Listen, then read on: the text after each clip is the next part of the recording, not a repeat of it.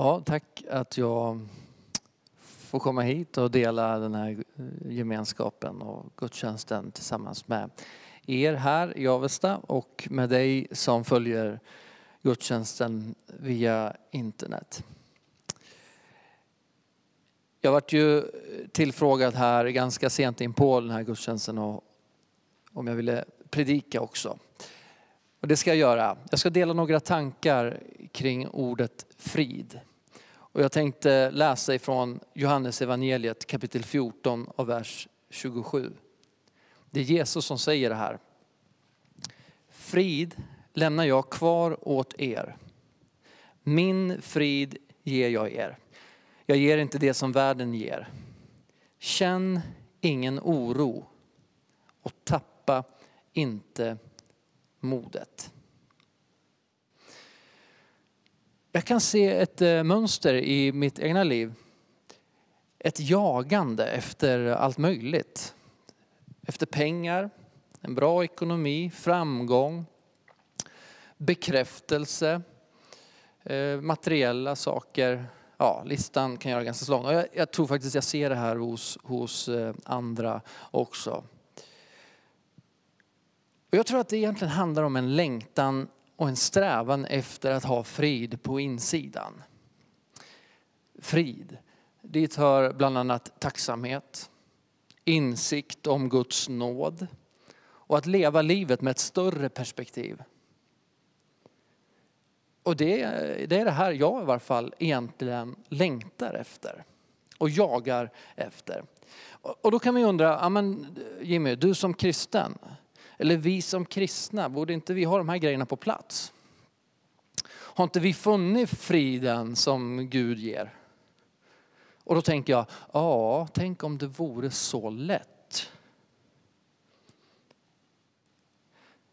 Jag tror Gud bor i oss med sin frid. Han bor i det här innersta rummet. Det här utrymmet som bara Gud kan fylla hos människan. Och jag tror att den gudsnärvaron hjälper oss att leva i det som jag nämnde, tacksamhet, att leva i nåden och att leva med ett evighetsperspektiv. Men det är inte alltid vi låter oss ledas av den här gudsnärvaron. Eller den här skatten som vi har funnit och som vi har sålt allt vi äger har för att bevara i våra liv. Jesus Kristus. Frälsningen i honom. Om jag blir lite personlig igen då. Jag brukar komma på mig själv med att navigera i mitt liv efter ett så kallat bör-värde.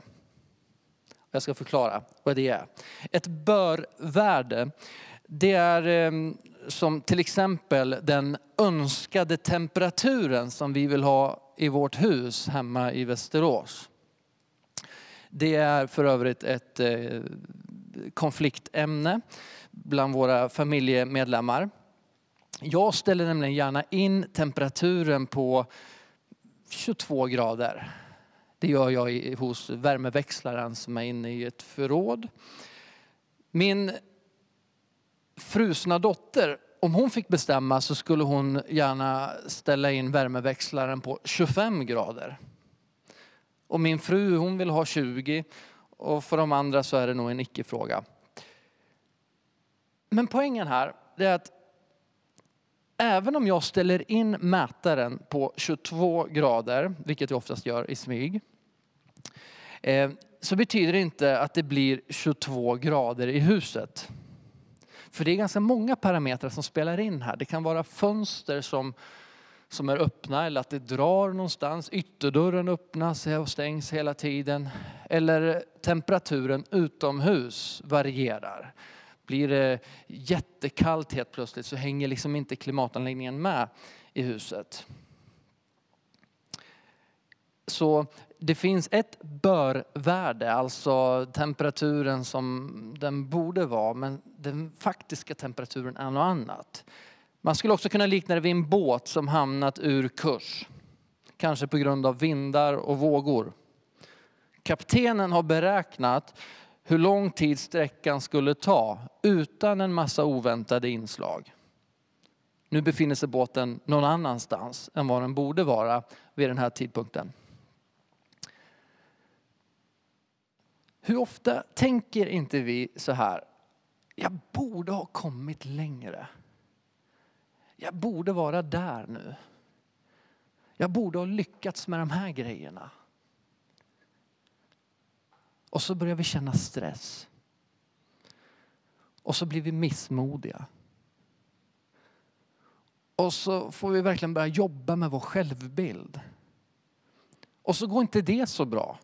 Utan istället så minskar självförtroendet. Och så börjar självföraktet växa. Nu gör jag ett worst case scenario av det här. Men faktum är att jag tror att det här är relevant att prata om i en tid där bland annat psykisk ohälsa ökar. Och kan även vara så att det här är en problematik som också går att lyfta in i våra kristna församlingar. Vi sätter upp mål och visioner och strategier, men så når vi inte dit. Vi borde ha kommit längre. Vi borde vara fler. Det är inte fel med mål. Det är inte fel att ha visioner och goda planer. Vare sig det är på det personliga planet eller i en organisation.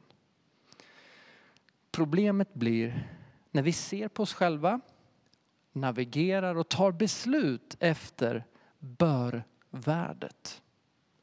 Alltså när du lever som om du vore någon annanstans. Och du vet det längst inne, men du förnekar.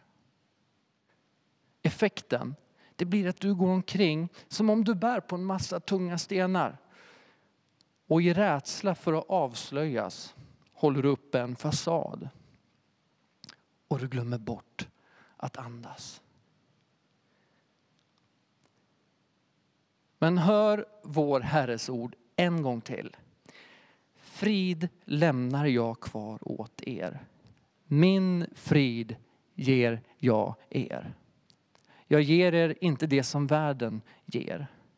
Känn ingen oro och tappa inte modet. Gud är här och nu. Han handlar inte med oss efter ett så kallat bör-värde. Han säger inte till dig, till dig så här att så länge du befinner dig där borta så får du klara dig själv. För du borde vara här, du borde ha kommit längre. Nej, han är här och nu. Och han handlar efter dig, han handlar inte Eh, med dig efter ett bör-värde, utan där du är just nu. Han möter dig i ditt allra ärligaste tillstånd. Och det är den viktigaste meningen i min predikan idag. Förutom Jesus citatet. Gud möter dig i ditt allra ärligaste tillstånd. Men bli stilla. Lyssna. Andas. Och låt han vara din ledstjärna. Där finner du friden som han ger och bevarar den. Nu ber vi. Fader, tack för nåden och det liv du ger oss genom Jesus Kristus. Hjälp oss att leva i den. Hjälp oss att leva i ärlighet inför dig.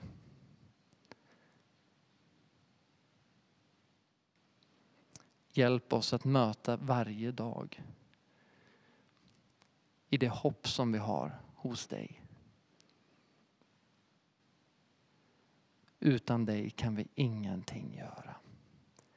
Jag ber för den som hör detta just nu och känner igen sig i beskrivning av tunga stenar, kanske missmod, dåligt självförtroende. Kom Herre med läkedom Bara du, Herre Jesus Kristus, kan hela oss inifrån och ut. Amen.